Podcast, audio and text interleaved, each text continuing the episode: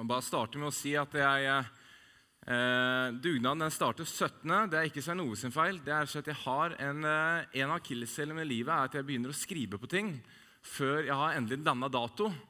Eh, og, så, og så jeg da skrevet en stund, så lander datoen motsatt av det jeg hadde forutsett. Og så glemmer jeg å rette opp det jeg har skrevet. Eh, så dugnaden starter 17. Det blir lørdag, mandag, tirsdag, onsdag, torsdag og så lørdag igjen. Så det blir intensivt. Og Vi håper det blir en god gjeng, og det blir mat, og det blir forhåpentligvis godt vær og god stemning. Så ikke Svein Ove sin feil. Nok en gang mitt rot med datoer. Jeg vil gjøre mitt liv til en lovsang til deg. Kan det også gjelde i hvordan jeg eh, behandler penger? Hvordan jeg gir? En norsk bibeloversetter fikk en gang et spørsmål. Etter at du jobbet i mange år med Det nye testamentet, hva er det som har gjort mest inntrykk på deg? Svaret han ga, kom, like, kom nok veldig uventet på en del. Noe av det som har gjort mest inntrykk på meg, svarte han, er hvor mye og hvor alvorlig Jesus snakker om vårt forhold til penger. Og han har jo rett. Jesus snakker utrolig mye om vårt forhold til penger. Så i dag skal vi snakke om noe som vi snakker altfor lite om. Og det er penger. Vårt forhold til penger. Så når jeg snakker om gi i dag, så kan jeg primært fokusere på det. Hvorfor snakker vi for lite om det? Kanskje er det fordi vi ikke vil fremstå som grisk. Pengekjær menighet. Og så kom korona, alle permitteringene i samfunnet. Og så er vi ferdig med det, og så kom inflasjon, og alle priser økte. Og så ender vi nettopp, nesten til slutt opp med å nesten ikke snakke noe om det som sannsynligvis er en av de største utfordringene og fristelsene og forførelsene for oss i vårt samfunn. For Problemet er jo at vi snakker jo ikke om det som Jesus snakker veldig mye om, som har vært forhold til penger. Jeg skal være transparent på det. Jeg skal snakke ikke noe særlig om, om det som går på at vi, har, at vi har en kampanje som er i ferd med å starte. Jeg sier det nå i starten for å bli ferdig med det. Og så resten av talen kan alle koble seg på, også dere som er på besøk. For dette handler ikke om Fredheim. Vi har en kampanje, så jeg skal starte med det. Vi har en kampanje, eh, Så vi er nødt til å starte noe for å øke givertjenesten betraktelig. For å komme i gang med et familiesenter som vi tror vil være til velsignelse for byen. Eh, for par som har behov for noe å snakke med, med en tydelig kristen profil for sjelesorg. Og For å klare å levere resultater i balanse så er den givertjenesten nødt til å komme opp. Så kommer jeg ikke til å si mer om det etter det. Nå kommer jeg til å fokusere på det som jeg egentlig vil dere skal få med. For jeg tror egentlig dette her berører eh, noe i vår åndelighet. Jeg husker fortsatt en episode. Eh, en av vennene mine som bodde i Oslo en periode, som var bøssebærer i Oslo, rundt disse bygårdene. Og så sa han det at han, han kom til noen av bygårdene, så kunne han høre innafor dørene at 'Ikke lukk opp! Ikke lukk opp! Det er bøssebærerne som kommer. For all del, ikke lukk opp! Ikke slipp de inn. Forstår vi da at vi har et problem? Vi bor i et av de rikeste landene i verden. Vi har 40% mer penger per person enn gjennomsnittet i Europa. Og I tillegg til det er Norge regnet for å være en av de landene som har jevnest fordelt penger på befolkningen. Plasserer ikke dette også oss med et ansvar i form av å dele? Jeg tror faktisk jeg kan driste meg til å si at Gud leder verden gjennom å gi. Er ikke nettopp den lille Bibelen handler om? Johannes 3, 16. Så høyt elsket han verden at han gjorde hva? Han gav sin sønn. For at hver den som tror på han, ikke skal gå fortapt, men ha evig liv. Han gav sin sønn. Det er godt mulig der eh, man kan gi noe uten å elske. Men kan man elske noe eller noen uten å gi? Eller er det en sammenheng der med at det jeg elsker, den jeg elsker, de jeg elsker De gir jeg også til. Fordi jeg er glad til dem. Jeg ønsker å vise hvor mye de betyr for meg, så derfor gir jeg. Det er en naturlig respons. For der hvor din skatt er, der vil også hjertet ditt være. Vi skal lese et avsnitt nå av Per Fugelli, som var professor i sosialmedisin, som nå er avdød. Jeg brukte det sitatet her for mange år siden. Jeg kommer til å bruke det igjen, for jeg kommer ikke til å finne noe bedre. Eh, så da bruker jeg det på nytt. Materialismen tar friheten fra oss ved å stjele tid og krefter. Vi bruker store deler av livet vårt til å tjene penger, kjøpe og selge ting, dyrke ting, vedlikeholde ting, vokte ting. Materialismen beslaglegger så mye tid, oppmerksomhet og energi at friheten til å velge andre livsgoder for mange blir illusorisk. Lykkeforskningen klargjør at over et visst materielt nivå er det ingen videre økning i lykke med økende velstand. Tvert om kan mer penger og ting fortære og fortrenge de evige og bærekraftige kildene til helse. Sjelefred, lek, samvær med guder, mennesker og natur, sosial innsats og politisk engasjement.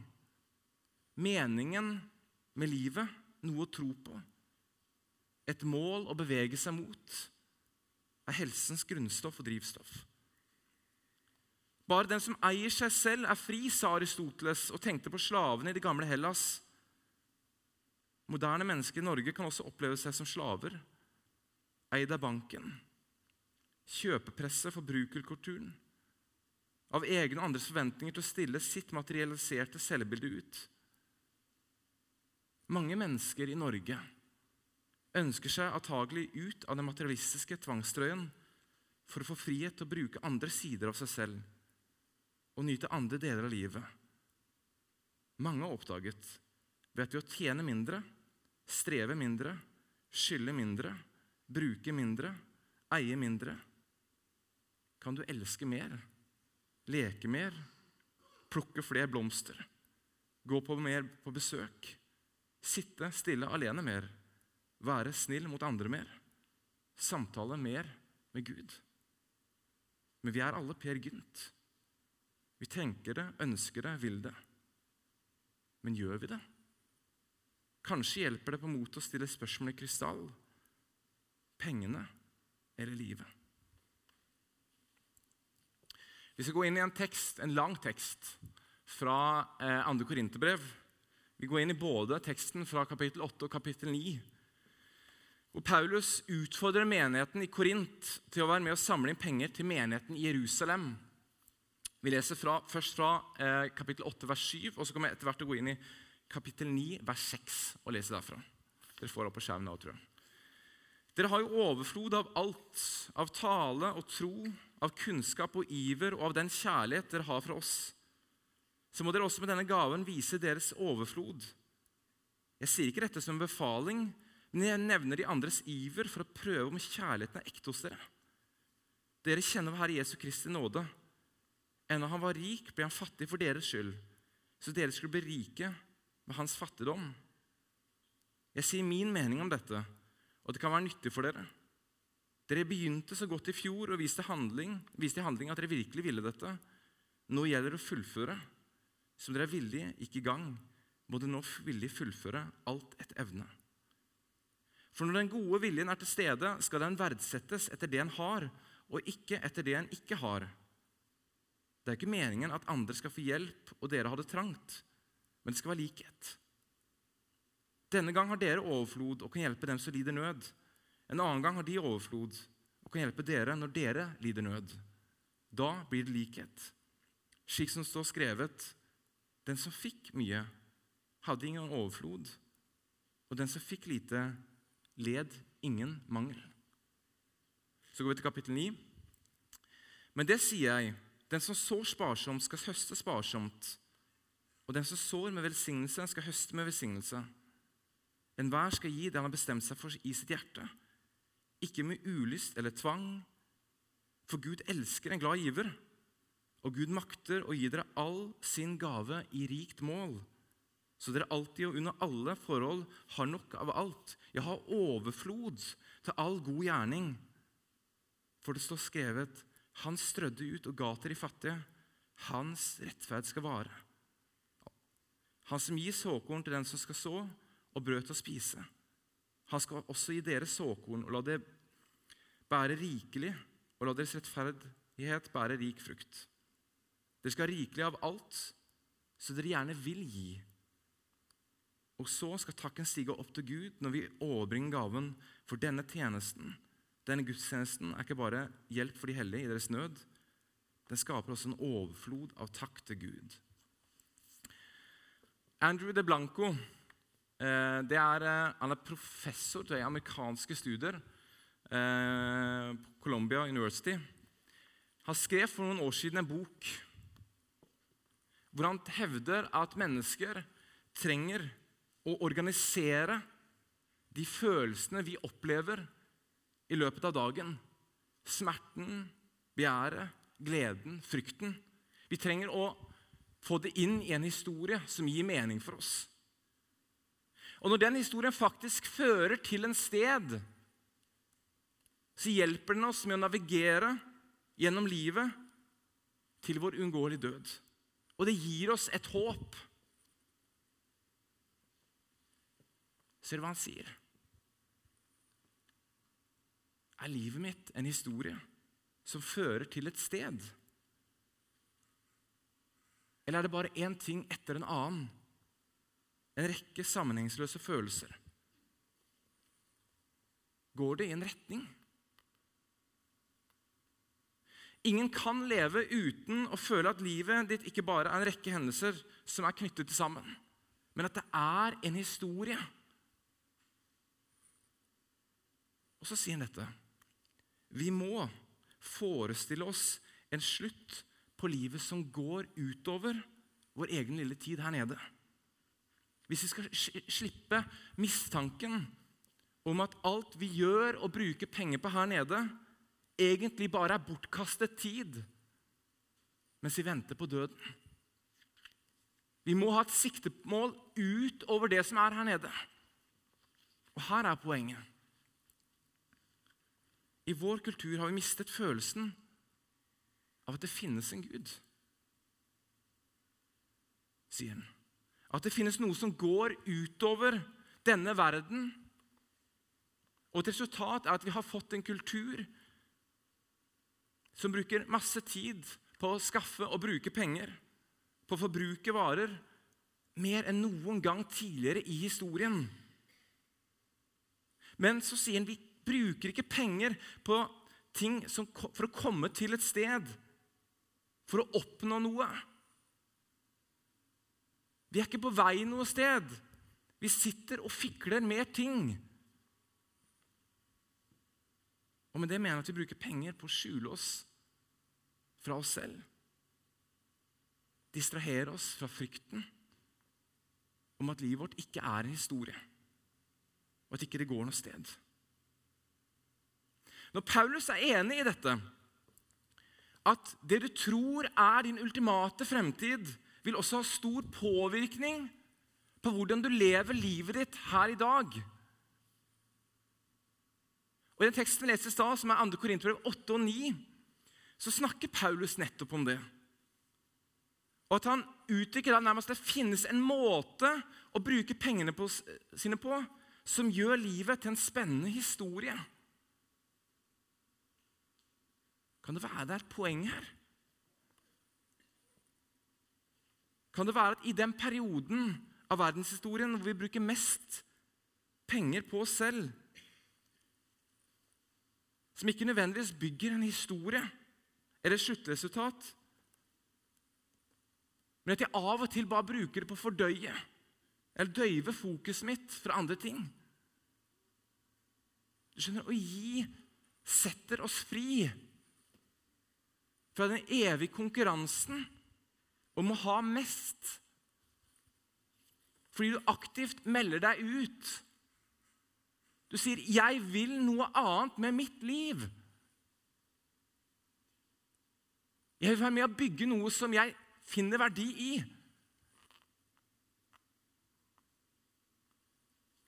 Det er kanskje de fineste bilene, det beste tekniske utstyret, de feteste festene.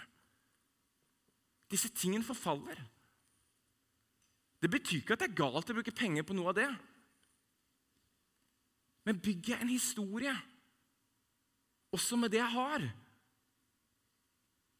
Vil jeg en retning med det? Bruker jeg på det jeg egentlig ønsker skal stå igjen fra livet mitt? Eller har jeg mer eller mindre bare koblet vekk penger ifra det som handler om verdier, og tror at hvordan jeg bruker det, ikke har noe med alt det der andre og hva jeg tror på, hva jeg tenker, hva jeg vil, hva jeg vil bidra til med mitt liv? Og så er det noe veldig viktig som Paulus sier i vers 8. Eh, det som er interessant med den teksten vi leser, er at Paulus sier aldri at dette er et krav, eller at det er en tvang. Han sier ikke 'jeg befaler deg dette', eller 'jeg befaler deg ikke å gjøre dette'. Og Som apostel så har han jo mest sannsynlig mulighet til å gjøre det. Han har jo fått en myndighet, men han bruker det ikke her. Om og om igjen så sier han på ulike måter 'Jeg ønsker at du gjør dette'. Eller 'Jeg ønsker du skal få lyst til å gjøre dette'.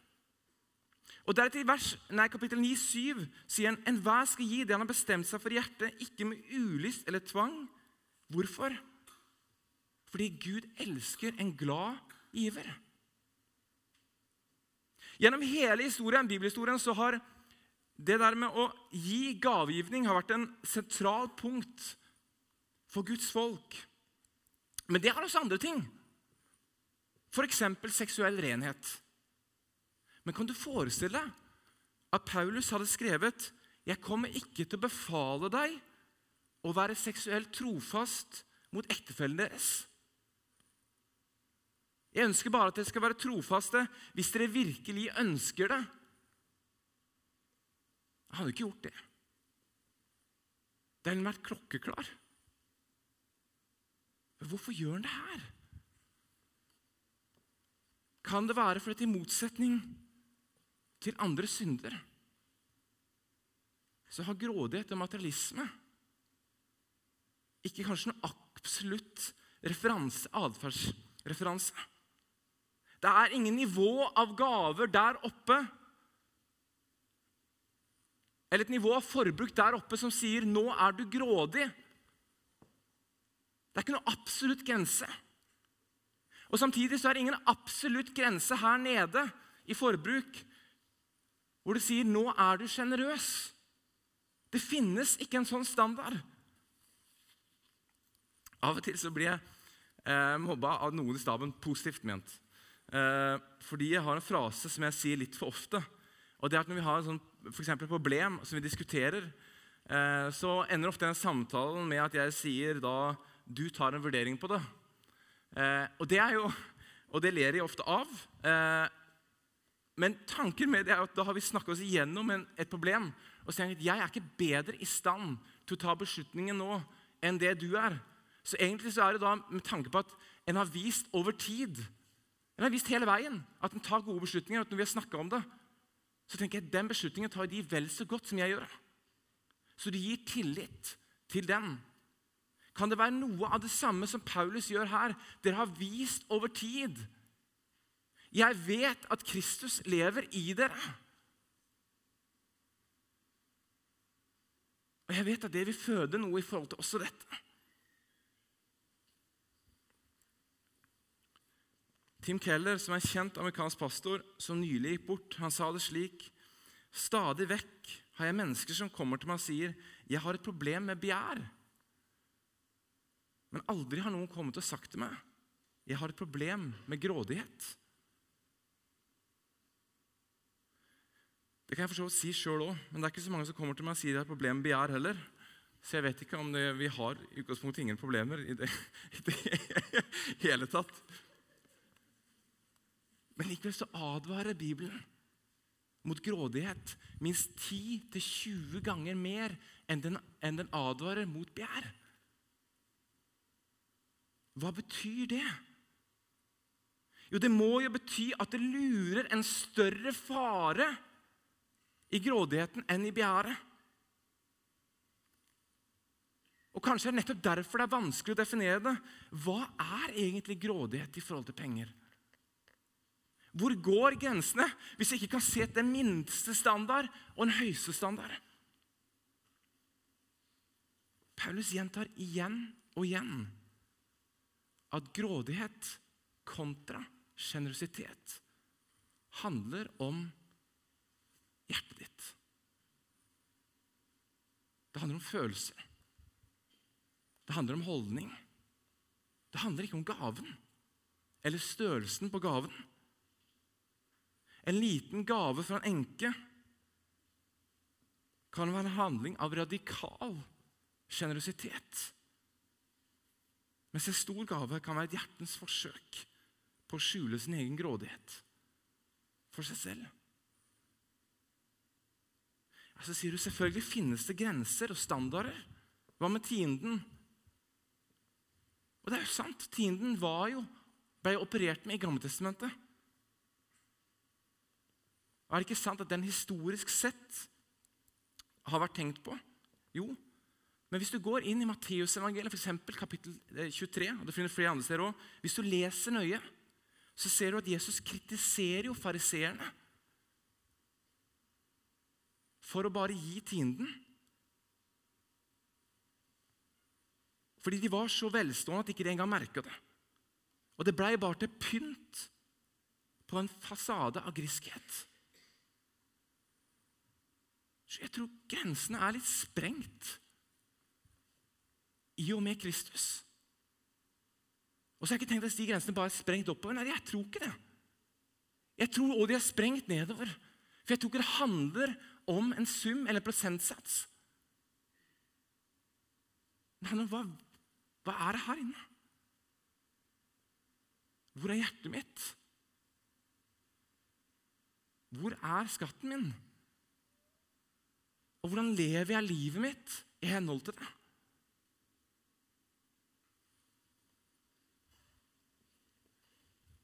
Jeg tror vi bare må leve med at dette kan ikke kvantifiseres.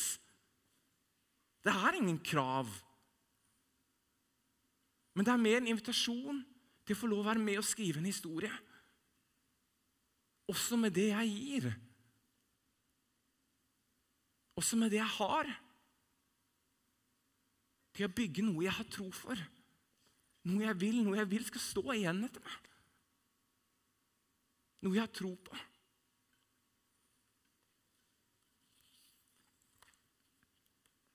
Kanskje handler det alt om motivene, om hjertet. Jesus sier i Lukas kapittel 12, vers 15.: Vokt dere for all form for grådighet. For det er ikke det en eier som gir liv, selv om en har overflod. Men han sier Vær oppmerksom på forskjellige former for grådighet den kan ta. Det var innom tidligere i, i vår, faktisk.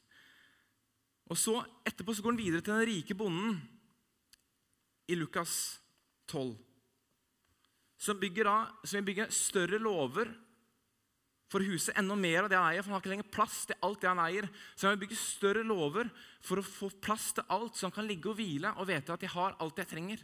Her har jeg det godt. Og så kommer da den responsen. I vers 20. Men Gud sa til ham, uforstandig menneske, i natt kreves din sjel tilbake. Hvem skal så ha alt det du har samlet? Slik går det med den som samler seg skatter til seg selv og ikke er rik i Gud. Det er noe veldig interessant med de to kapitlene i 1. Korinterbrev 8 og 9. Og Det er at det er det lengste avsnittet i Nytestamentet hvor Paulus snakker om penger konstant. Hele veien, uavbrutt. Men hvis du leser nøye, så snakker han om penger igjen og igjen og igjen. Men han bruker aldri ordet. Penger er ikke nevnt. Og heller ikke synonymer for penger. Kan det være at han gjør det med et overlegg? For å si at det er ikke pengene det handler om, men det er hvor er hjertet ditt? Blås i summen, blås i pengene, men hvor er hjertet ditt? Hvis det er sant, så betyr det at Paulus' sin definisjon av et gavmildt hjerte Og det eneste måten du virkelig vet om du er sjenerøs eller grådig på, det er ikke hvor mye du gir til hvem. Men det handler om følelsene, motivasjonen, holdningene til pengene. Hvor lett du klarer å gi de kanskje bort når du ser at det er noen andre som trenger de. I vers 8 så sier Paulus.: Jeg sier ikke dette som befaling, men jeg nevner de andres iver for å prøve om kjærligheten er ekte hos dere. Og Så henviser han da til kirken i Makedonia, som var i langt fattige byer enn det som Korint var. For Korint, som han da skriver til her nå, de var kjent for sin økonomiske vekst og handelsvirksomhet på det tidspunktet. Hvordan forstår tanken da bak dette hjertet? Kanskje kan vi forstå det noe det han sier når han skriver 'Den som fikk mye, hadde ingen overflod', og 'den som fikk lite, lite led ingen mangel'. Hvis jeg ser i Bibelen, så vil jeg se at Referansen til den teksten er henta fra et annet sted. Den er henta fra andre Mosebok 18. Og akkurat der den teksten eh, er henta fra, så er vi inne i andre Mosebok 18, når Israelsfolket var i ørkenen. Og de fikk manna fra himmelen. Altså De ble brødfødt, og de fikk mat gjennom manna fra himmelen. Og I den sammenhengen så er det jo alltid noe som er kjappere ut og hente den mannen og få inn i teltet. Men Gud advarte imot det. Det hjelper ikke å lagre opp denne mannen. Dere henter for dag for dag. Og så fordeler det utover. De som ikke kan hente, de får av dere som kan hente. Men det var likevel noen selvfølgelig, det forstår jeg jo, hadde sikkert gjort det selv også, som henta ekstra mye og prøvde å lage det dagen etterpå. Og hva skjedde da med mannen? Jo, det gikk i marken. Mannen ble dårlig. De hadde jo fått beskjed om det, men de prøvde det likevel. Kanskje er det Paulus faktisk prøver å si gjennom en henvisning tilbake til den historien, at det vi har fått som en gave, er ikke bare en gave for meg. Ja, kanskje har jeg eller du eller du eller du en større evne til å tjene penger, til å få inn. Men det betyr ikke nødvendigvis at det bare er mitt. Men de har også hatt ansvar for å fordele det ut til de som ikke har en like stor evne, av ulike grunner, til å hente det inn.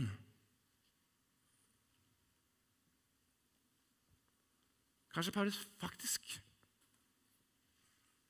prøver å si at de risikerer at det går mark i hele gaven.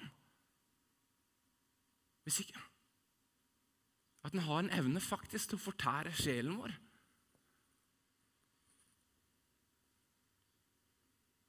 Det er det samme prinsippet som ligger igjen med bonden. Han ville bygge opp og samle alt han hadde. I natt kreves din sjel. Hvem skal nå ha alt du har samlet? Men Så begynner et nytt problem. da. Og det er at vi liker jo veldig godt å sammenligne oss med andre. Jeg bruker ikke like mye på meg selv som den og den og den. Men da må jeg være villig til å stille spørsmålet med meg sjøl. Hvem sammenligner jeg med? Det har egentlig ingenting å si hva andre gjør. Hvis jeg utvikler et usunt forhold til penger og materialisme, så berører det først og fremst meg selv. Det er jeg som får et problem. Det er ikke alle de andre. Jeg vil ha et ansvar for mitt liv. Hvis jeg får et usunt forhold, så er jo det mitt problem, uavhengig av hva alle andre gjør. Det er jeg som betaler konsekvensene for det. Kanskje nettopp gjennom at jeg blir ufri. Kanskje gjennom at jeg ikke ser en del av de velsignelsene jeg ville sett i forhold til det å få lov å bidra enda mer til rettferdighet. Kanskje gjennom å få lov å være med å bygge en større historie med det faktisk jeg har fått inn.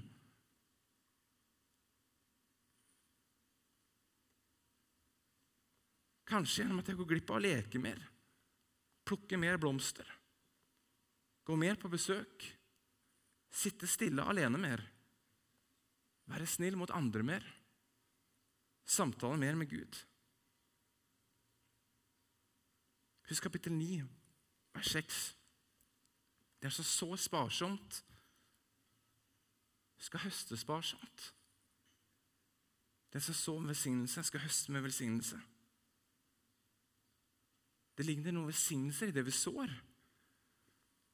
I trengangsteologien og herlighetsteologien er det ofte blitt kobla sammen med ja, typisk eh, de gamle kongene i Israel. Og så tenker at gjennom at jeg gir, så får jeg automatisk enda mer tilbake. Kanskje også i form av penger, berømmelse og det ene og andre. Og Kanskje for noen så er det sånn. Men jeg tror for de fleste i Norge, og for de som har, kanskje har mye penger, så vil jo ikke nødvendigvis mer penger løse problemet. Kanskje kommer velsignelsen i helt andre former. Kanskje gjennom større frihet. Kanskje gjennom å være mindre bundet. Kanskje gjennom å være mindre bekymret. Kanskje gjennom å kjenne på en større frihet, få lov å erfare og bidra mer til rettferdighet. Kjenne på en større form for omsorg. Så hva er historien jeg forteller til meg selv og mine? Gjennom hvordan jeg forvalter det jeg har fått. Pengene våre kan også formidle en Jesus-historie. Det vi gir bort, det fremmer jo det du tror på. Uavhengig av hva det er. Det du gir bort, gir du for å bygge noe som du har tro på. Noe du ønsker skal vokse. Ennå han var rik, ble han fattig for deres skyld. Så dere skulle bli rike ved hans fattigdom. Han gjorde oss rike når han ble fattig. Han frigjorde oss fordi han selv ble undertrykt. Han kunne gi oss livet fordi han selv måtte dø. Og han overvant alt. Ikke rart Paulus ikke trengte å befale Korintkirken. De han snakket med, hadde jo allerede erfart den ultimate skatten. Alle andre skatter kan du kjøpe. Men Jesus er den eneste skatten som kjøpte deg fri. Hver annen skatt må du slite for å få. Jesus er den eneste andre skatten som gikk i kamp for deg. Gud er vel kjent med å gi. Faderen oppgav sin sønn. Sønnen oppgav sitt liv. For oss. Og mest sannsynlig så skjer det ting i deg nå. For dette temaet her er ubehagelig å snakke om. Og Kanskje er det òg grunnen til at Jesus snakker så mye om det. Og at vi som kirke av og til snakker så lite om det fordi det er complicated. Fordi jeg merker når jeg står og taler om at dette her treffer jo meg jo midt inn i brystet. Men kanskje er det derfor jeg må snakke om det, og vi som kirke. Fordi muligens har vi et større problem her enn vi er klar over. At vi binder oss for mye til noe Jesus prøver å si 'bli fri'.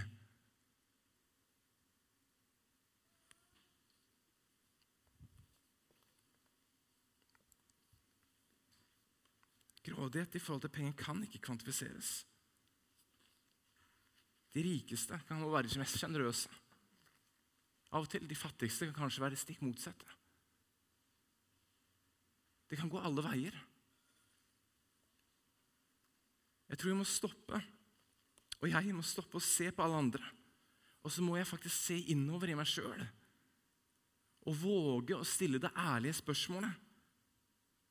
Går jeg klar av grådigheten og pengekjærheten? Eller har jeg egentlig et problem som jeg er nødt til å ta tak i? Ikke for å nå en øvre eller nede standard, men fordi det gjør noe med livet mitt. At jeg kanskje ville vært mer fri. Kanskje fordi jeg kjenner sjøl at det korrumperer min sjel. Du må huske dette at selv om det mest sannsynlig er noe av det mest krevende å forholde seg til i Bibelen, så er det det sannsynligvis en grunn. Det treffer noe i oss som jeg tror Gud ønsker å sette fri. Jeg tror Guds ord alltid ønsker å sette oss fri. Men av og til gjør det bare vondt. For de treffer noe som vi har kanskje bundet oss for mye til for lang tid. Jeg skal avslutte der jeg starta, med denne bibeloversetteren. Så fikk jeg spørsmål. Etter å ha jobba i mange år med Nytestementet, hva er det som har gjort mest inntrykk på deg? Og så svarer han noe av det har mest, som har gjort mest inntrykk på meg, er hvor mye og hvor alvorlig Jesus snakker om vårt forhold til penger. Jeg tror det her har en grunn. Vi ber. Kjære Jesus. Først og fremst takk for alt det du har velsignet oss med.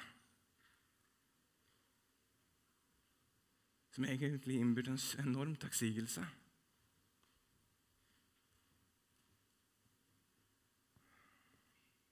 og også en mulighet til å få være med og bidra til at andre som har lite, får det bedre Jesus. Jesus ber om at du møter oss der vi er. Hjelp oss å se og stille det spørsmålet inn til oss sjøl. Har jeg et problem som jeg egentlig ikke er klar over? Eller har jeg ikke det? Og så ber jeg om at du møter oss med det med nåde, Jesus. Som du alltid møter oss.